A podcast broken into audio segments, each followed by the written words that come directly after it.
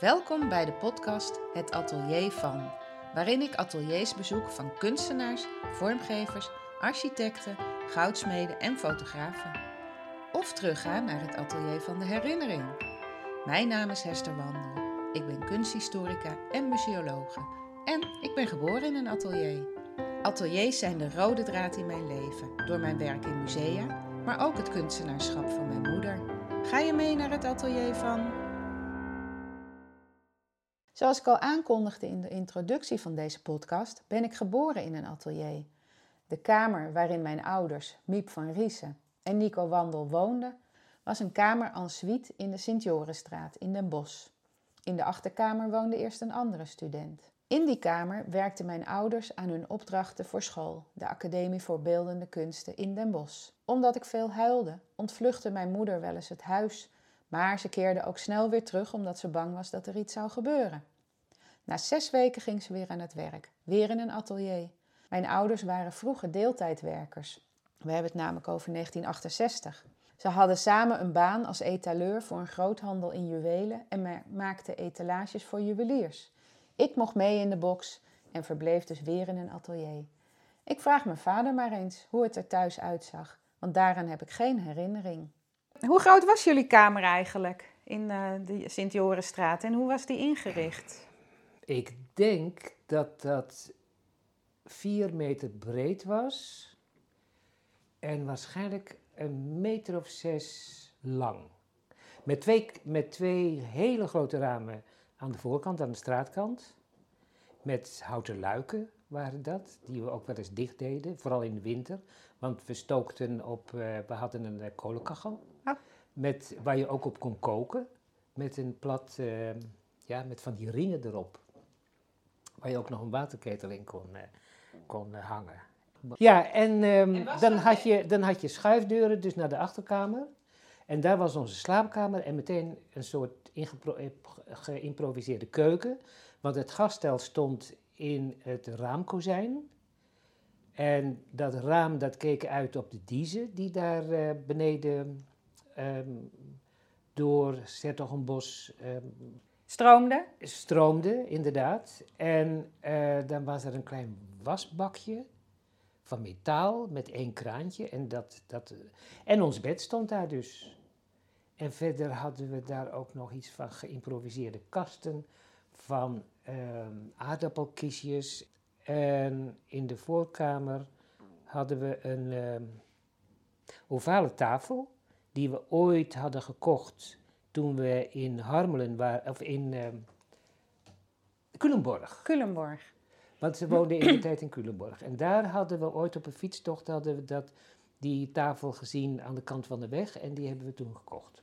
De eikenhouten tafel die ze altijd precies, heeft gehouden. dat was zo'n ovale eikenhouten tafel.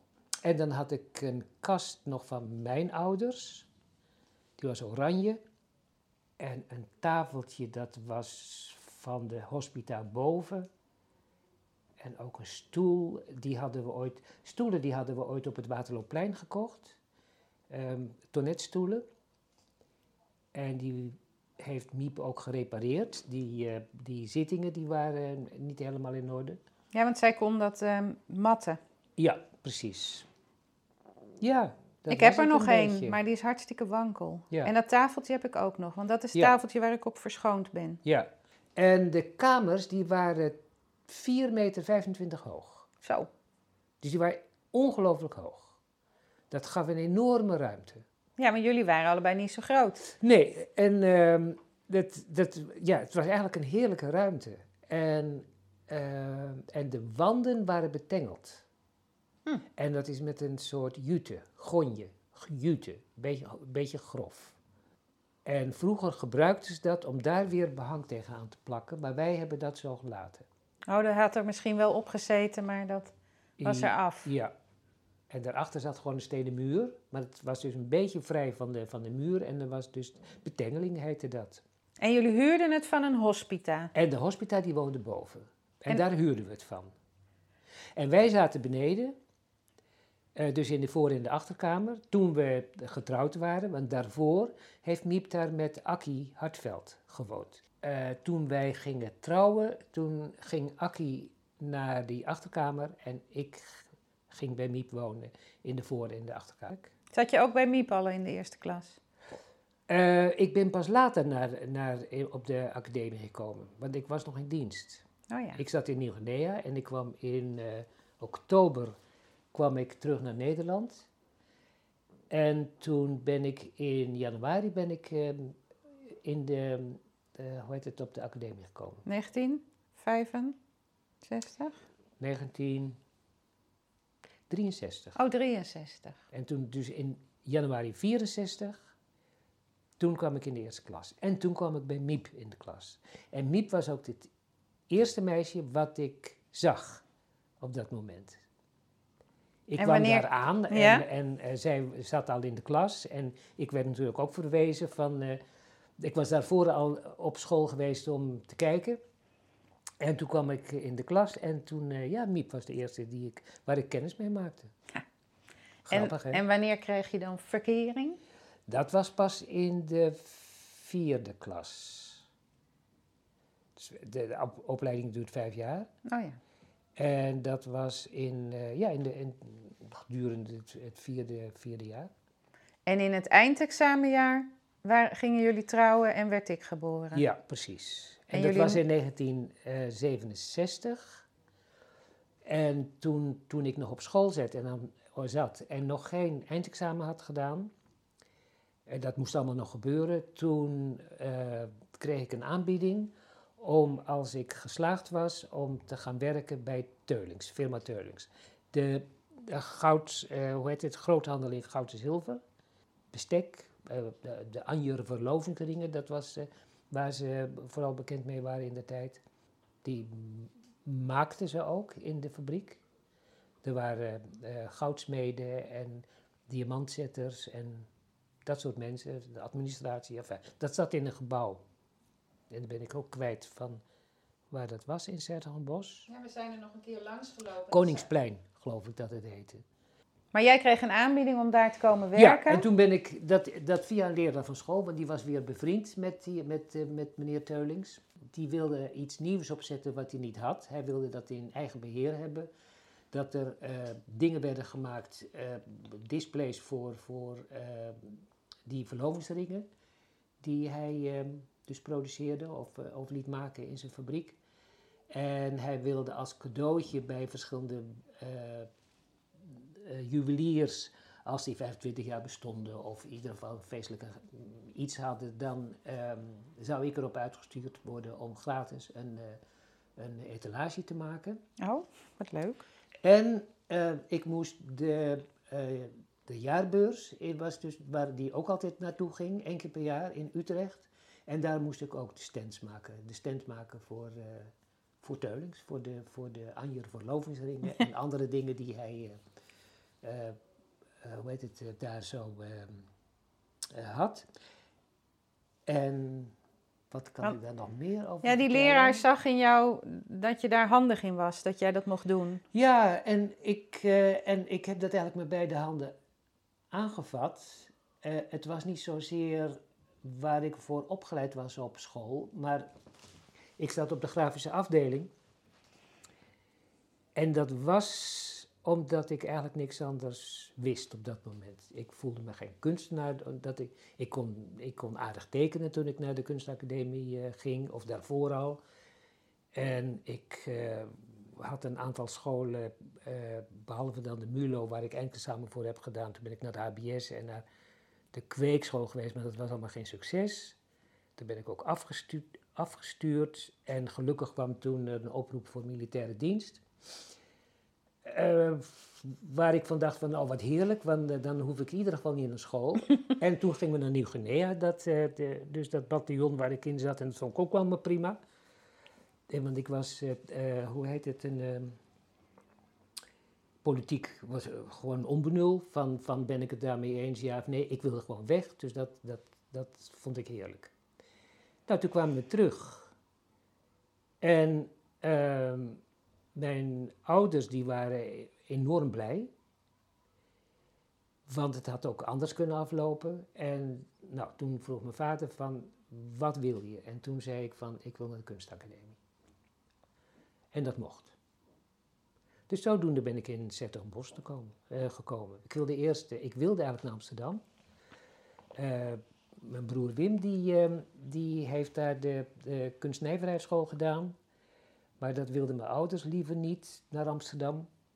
Daar hadden ze ook hun, eh, hun redenen voor. Maar uh, Bos, dat stond op dat moment heel goed aangeschreven. En mijn broer, die uh, kende een leraar, ook grafische vormgeving, die daar les gaf. En daar ben ik voor, dus daar ben ik ook met, met Wim, ben ik daar naartoe geweest. En die had gezegd, nou ja, kom maar eens kijken. En, Wie was die leraar? Dat was Wim Strijbos. Strijbos. Wat grappig. Ja. Want ik heb later dus zijn dochter ontmoet. Ja. Ja, en via hem ben ik dus op school gekomen. En toen moest ik, uh, en dat was in december, ik kwam geloof ik in oktober terug in Nederland. Toen woon, mijn ouders die waren in Driebergen en daar ben ik toen ook een tijd geweest in het huis van, uh, van mijn zus en zwager, Marianne en Ari. En ik ben dus toen naar Bos gegaan om daar kennis te maken. Eh, en met een paar leraren die er ook waren. En ik moest wat laten zien. En dat was eigenlijk niet zoveel. En ik had ook in de, mijn hele diensttijd had ik ook helemaal niet getekend. Maar toen kreeg ik wat opdrachten om te maken. En die moest ik dan in, uh, later moest ik die laten zien. En uh, nou ja, ik werd aangenomen. Ze zagen talent. Ik weet dat Miep wel vertelde dat jullie samen op de braderie of iets stonden in Den Bosch. En dat zij dingen met kralen verkocht en jij ontzettend goed uh, kon tekenen, portret ik heb toen tekenen. portret getekend, ja. En dat, maar dat... dat was pas toen wij ook in de vierde klas van de... Toen waren we al verloofd, denk ik. In 65, 4 september 65 zijn we verloofd. En hadden jullie eigenlijk ook een atelier in, de, in die kamer? Nee, nee, dat was gewoon onze, onze woonruimte. En daar werkten we ook. Maar het, daar werk, ja, want was er op school eigenlijk ook plek om te werken? Waren er ateliers beschikbaar voor... voor nee, het waren, het waren lokalen waar we, waar we dus zaten, waar we, ieder had een tekentafel. En, um, en onze klassen waren heel klein. Wij zaten maar met, uh, nou eens even kijken, op het laatst was Ietje en André, André Megens, Ietje Mulders. We zaten met z'n vieren, met z'n vijf in de klas. Wow. Maar er was niet een plek waar je uh, kon gaan werken op school? Van, uh, die vrij, waar geen les werd gegeven, maar zeg maar een atelier. Nou, Miep en Leon hadden samen een heel groot, uh, die ze hadden, en dat heette dan Monumentaal, dat zij deden Monumentaal. En dat was, uh, dat was een heel groot klaslokaal, waar zij werkten allebei. Maar ook buiten de lessen om? Of ja, maakten ze ook dingen thuis? Les, we hadden, zij hadden les van Marius de Leeuw. En die was daar die liep daar rond of die ging ergens zitten en als ze wat nodig hadden, dan konden ze dat vragen. Maar het was niet echt lesgeven. Het, zij, ze hadden, kregen opdracht, maar daar konden ze eigenlijk vrij werken. En dat, uh, die ehm, had ook nog les van een lerares textiele werkvormen. En die had heel veel dingen met, met, met op de naaimachine werken. Wat ze nooit, ja, dat heeft ze dus ook vrij veel gedaan, maar daar voelde ze zich nooit helemaal op haar gemak. Maar ze, daar heeft ze dus ook allerlei opdrachten van gedaan. En die werden allemaal gedaan dus op de, in school. Ja, en uh, deden jullie ook dingen thuis? En we deden ook dingen thuis, op de vloer. Nou ja. Of, of waar dan ook. En, en, ik um, had, en toen had ik al die, mijn, ik had een tekentafel gekregen van, uh, die van Wim was geweest, mijn broer Wim.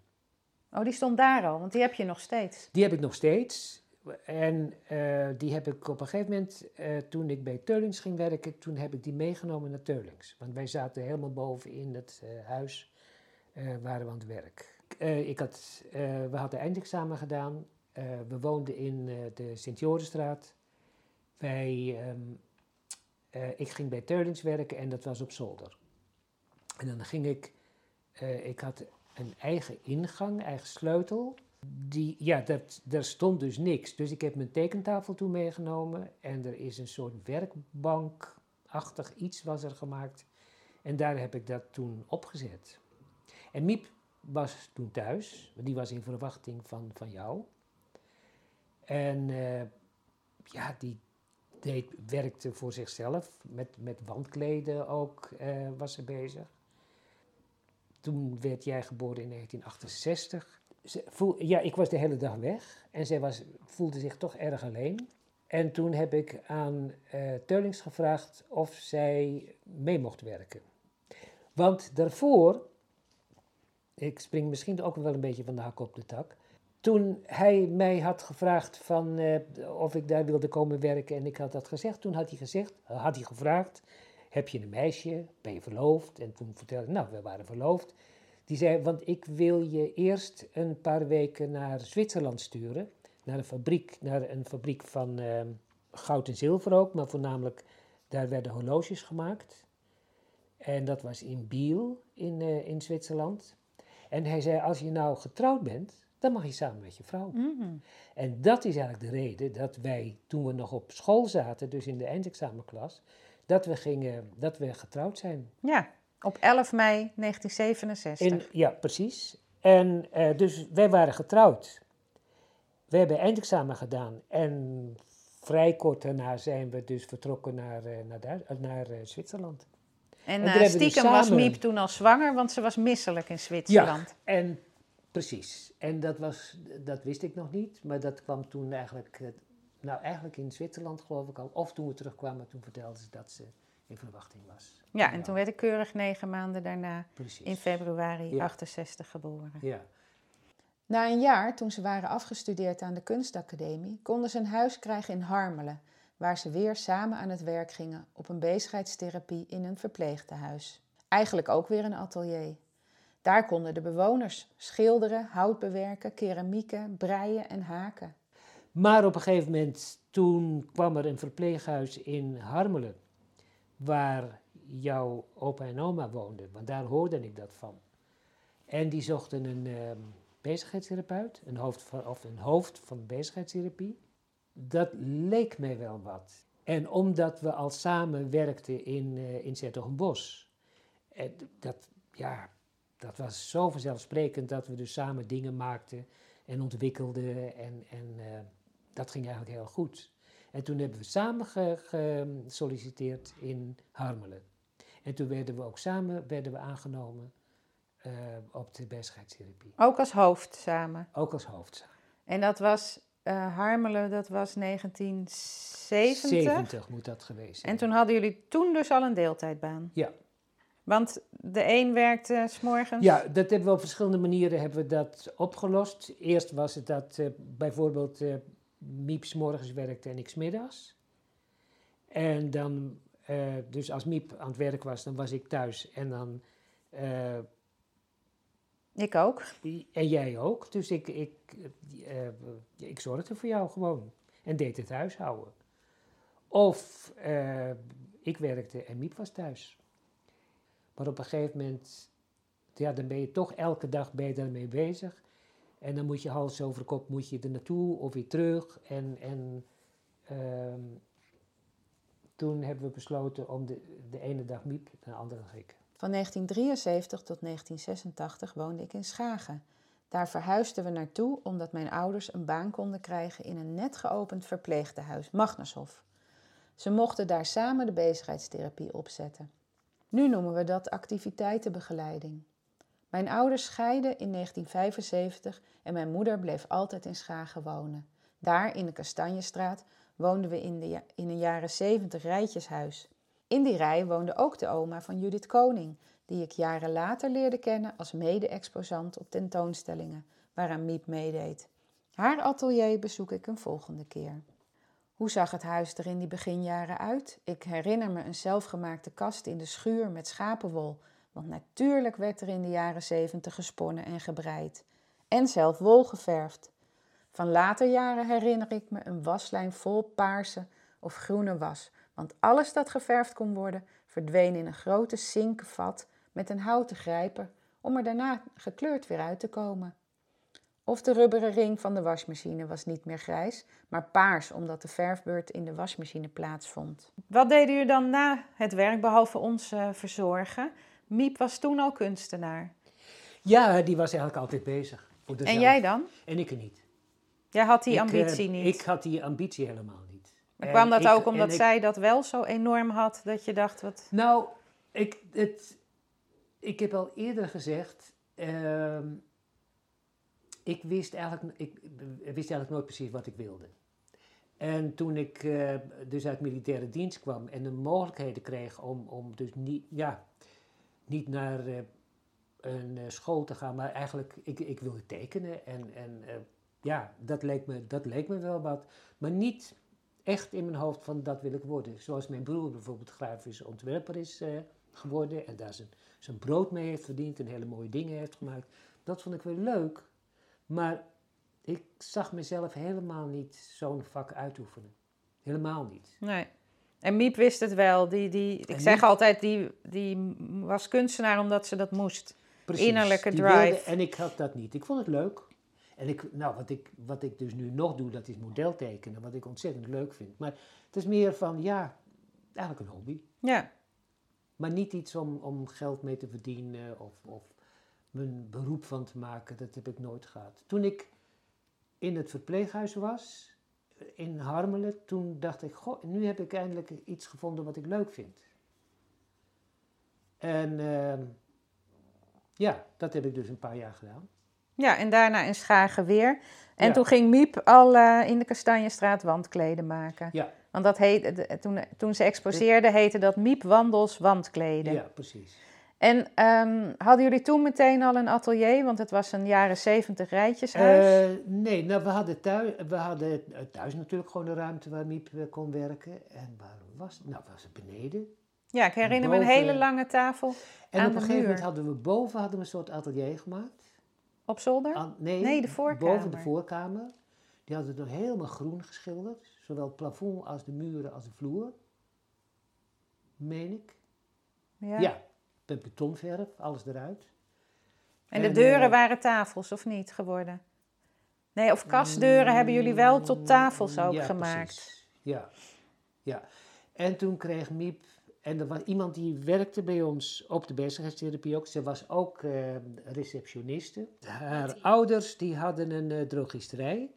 En die hadden een ruimte die, die, uh, die Miep nog heeft gehuurd als atelier. Dat hebben we opgeknapt, dat hebben we geschilderd. Er zijn de, de ze hadden de, hele vreemde kasten en er was kippenleghokken waren dat. Ik weet niet of je dat nog weet. Dat waren die vierkante hokjes, een grote kast, helemaal verdeeld in vierkante hokjes met een schuin stuk uh, afgeschud, zeg maar. Ja? En dan met stokken ervoor, maar die hebben we, eraf die hebben we geloof ik eraf gezaagd. En daar bewaarden ze allemaal de lapjes en de stoffen in. Ja, die herinner ik me. Waren dat kippenhokken? Dat waren kippenhokken. Oh, want die herinner ik me als in de schuur. Kippenleghokken ja. waren dat. En die, en die stonden later dus in de schuur met die wol erin. Ja, dat klopt. Oh dat, oh, dat wist niet dat dat... Ik dacht dat jullie dat ook zelf hadden gemaakt. Want je had wel het meubilair zelf gemaakt. Grote vierkante ja. Stoelen met bergruimte eronder. Ja, met bergruimte. En Miep die had die helemaal bekleed met, uh, met ribstof. Ja. Met, met ribfluweel. Ja, en jij had ze later in Amsterdam ook nog. Ja. Mieps atelier verhuisde naar Zolder, nadat er een dakkapel was gebouwd. Daar had ze licht op het noorden. Het ideale licht voor kunstenaars. Maar waarom eigenlijk? Dat licht is koel en stabiel en niet onderhevig aan de zon. Door veranderend zonlicht komen er schaduwen en zien kleuren er anders uit. Zo heb je als kunstenaar egaal licht. Miep zei er het volgende over. Met daglicht is mijn werk toch het mooist. Er zijn natuurlijk ook kunstenaars die graag gebruik maken van veranderend licht, zoals Claude Monet. Hij schilderde zijn onderwerp, zoals de kathedraal van Rouen of een hooimeid, juist graag in steeds ander licht. Miep was dolblij met haar eigen atelier op zolder. Daar zat ze uren aan een te werken. Radiootje aan met een praatprogramma of een hoorspel. Als ze nu nog had geleefd, dan had ze zeker naar podcasts geluisterd. Als ik thuis kwam van school, moest ik een paar keer roepen om aandacht te krijgen, zo verdiept als ze was in haar werk en de radio. Ik was geen sleutelkind, want mijn moeder was altijd thuis. Maar ze zat ook niet klaar met thee en koekjes. Ze ging helemaal op in haar werk. In een volgende podcast zal ik meer vertellen over haar werk en de eigen techniek die ze had ontwikkeld. Ze schilderde namelijk met naald en draad. Ondertussen waren mijn ouders dus gescheiden en verhuisde mijn vader naar Amsterdam. En omdat hij geen woning had, mocht hij zo lang wonen in het atelier van zijn broer Wim op het Rokin. Want toen had ik nog geen huis in Amsterdam, maar toen heb ik dus een, een nou, bijna anderhalf jaar bij Wim op zijn atelier gewoond. Vormgever Wim Wandel noemde het zijn studio. Bijzonder is dat het daarvoor een tiental jaar atelier is geweest van een beroemd kunstenaar. Hierover hoor je meer in de volgende podcast. Van 1973 tot 1997 woonde Miep op de Kastanjestraat met haar atelier op het noorden. Vandaag heb ik Marieke op bezoek, Marieke de Bruin. Daar ben ik al 50 jaar bevriend mee. Zij woonde net als ik in de Kastanjestraat. Wat weet jij nog van bij ons vroeger thuis in Schagen? Kan je iets herinneren van Miep en het atelier? Of aan het werk? Ja, die zat daar op zolder. Dat weet ik nog heel goed. Ik zat eigenlijk altijd op zolder met een heleboel mooie eh, gaar. Hoe noem je dat? Garens? Ja, en dan allemaal op, op verschillende kleurtjes van die, van die kleine nou, klosjes niet, maar Strengetjes. strengetjes. En dat vond ik altijd mooi om te zien, die kleuren. En daar was ze dan druk mee bezig. Maar ging je ook wel eens naar zolder? Ik, kwam wel eens daar op zolder, ja. Op de Kastanjestraat kwamen wij wel eens allebei op zolder. Daar hebben we toch menig kunstwerk in de maak gezien. Er was toch ook zo'n ding van een vogel die aan een touw hing. Ja. Nou, ik, ik denk echt dat ik, heb, dat ik die in de maak heb gezien. Nou, wat er ook was. En er was ook wel eens een dood dier, toch? ja, die huis? vogel aan een touw die hing ook ehm, in de dakkapel. En dan, als het raam open stond, hing hij daar te klapperen in de wind. Dan rookt de hele buurt dat. Ja, en ze Ja. heeft ook wel eens een, ehm een ehm, roodborstje gevonden. En die lag dan op tafel. En toen zei ik van, oh, hij leeft nog. Maar hij was dood. Hij zat vol met maden. dus Oh, hij begon weer te bewegen. Oh, gadver. Nee, dat weet ik nog wel, ja. Ja, want wij waren vooral aan het dansen op ABBA. En Miep werd gek van de En muziek. daarvoor buiten het spelen en aan het zingen. Lekker veel duetten, hè? Oh, ja, dat was inderdaad. Ja, en Miep zat altijd op zolder.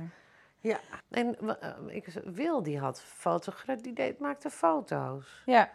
Het was gewoon hobbymatig, hè? ja, maar we hadden ook, hij had ook een donkere kamer eh, boven. Ja, die had een doka, ja. Maar wel, wat was dan de dook? Zijn eigen studeerkamer? Ja, voor, ja. En eh, toen had hij een keer ehm, in de wc de kraan aanstaan om goed te laten doorspoelen. En dat vond ik zonde, dus toen had ik het water dicht, de kraan dichtgedraaid. En toen kreeg ik zo op mijn donder, want dat moest doorspoelen. En dat moest, eh, Waarom?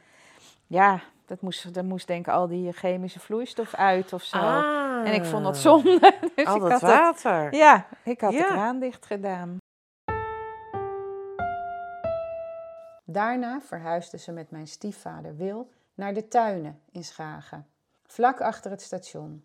Daar kochten ze een huis met een mooie ruime zolder voor een atelier en een garage die ze ombouwde tot galerie. Vanaf 2001 woonde ze er alleen, want Miep en Wil gingen uit elkaar. Ze begon een kunstuitleen van haar eigen werk in de garage. Twee keer per jaar hield ze open huis. Alle schilderijen werden vakkundig door het hele huis opgehangen en door mij van nummers voorzien, die correspondeerden met de lijst van te lenen werken. Bezoekers mochten door het hele huis lopen, ook haar atelier. Zelf bleef ze beneden. Bescheiden of verlegen als ze was, wilde ze niet te veel over haar werk vertellen. De werken moesten voor zich spreken. Ik regelde voor haar het lenen en terugbrengen van de werken en zij zorgde ervoor dat er een borreltje was en voor 's avonds eten voor een heel weeshuis. Er waren zelfs mensen die rond etenstijd kwamen om mee te eten, want het liefst wilden ze dat iedereen bleef. In 2002 werd Miep geïnterviewd door Kitty Merts over haar kunstuitleen. Maar ik vind het gewoon ook heel leuk om het eh, te verhuren en dat het gewoon van mij blijft. Sommige dingen wil ik ook helemaal niet kwijt. Na het overlijden heb ik samen met mijn nicht Martine en man Govert een stichting opgericht om haar werk bekendheid te geven. En zetten we de kunstuitleen voort. Helaas is dat vanuit de opslag, want het huis moest worden verkocht. De laatste keer dat de garage dienst deed was als galerie bij haar overlijden in 2015. Ze lag opgebaard tussen haar schilderijen in een kist. Die was gemaakt door een bevriend kunstenaar en bekleed met het schilderslinnen waarop ze haar schilderijen maakte. Ze zei vlak voor haar dood dat ze het huis daarop had uitgezocht. In een volgende uitzending ga ik in op haar werk. En gelukkig hebben we radioopname, dus kunnen we Miep zelf aan het woord laten over haar werk. Voor zover ik weet, of er moet nog iemand zijn die dit uitgevonden heeft, ben ik de enige die op, op deze manier werkt.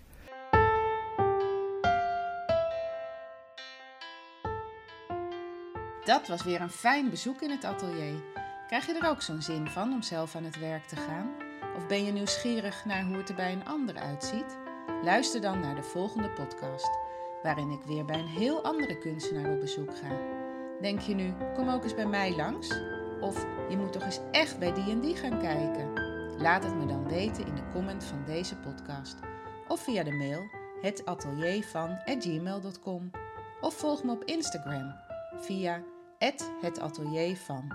En vergeet je niet te abonneren op deze podcast, dan mis je nooit meer een uitzending. Tot de volgende keer.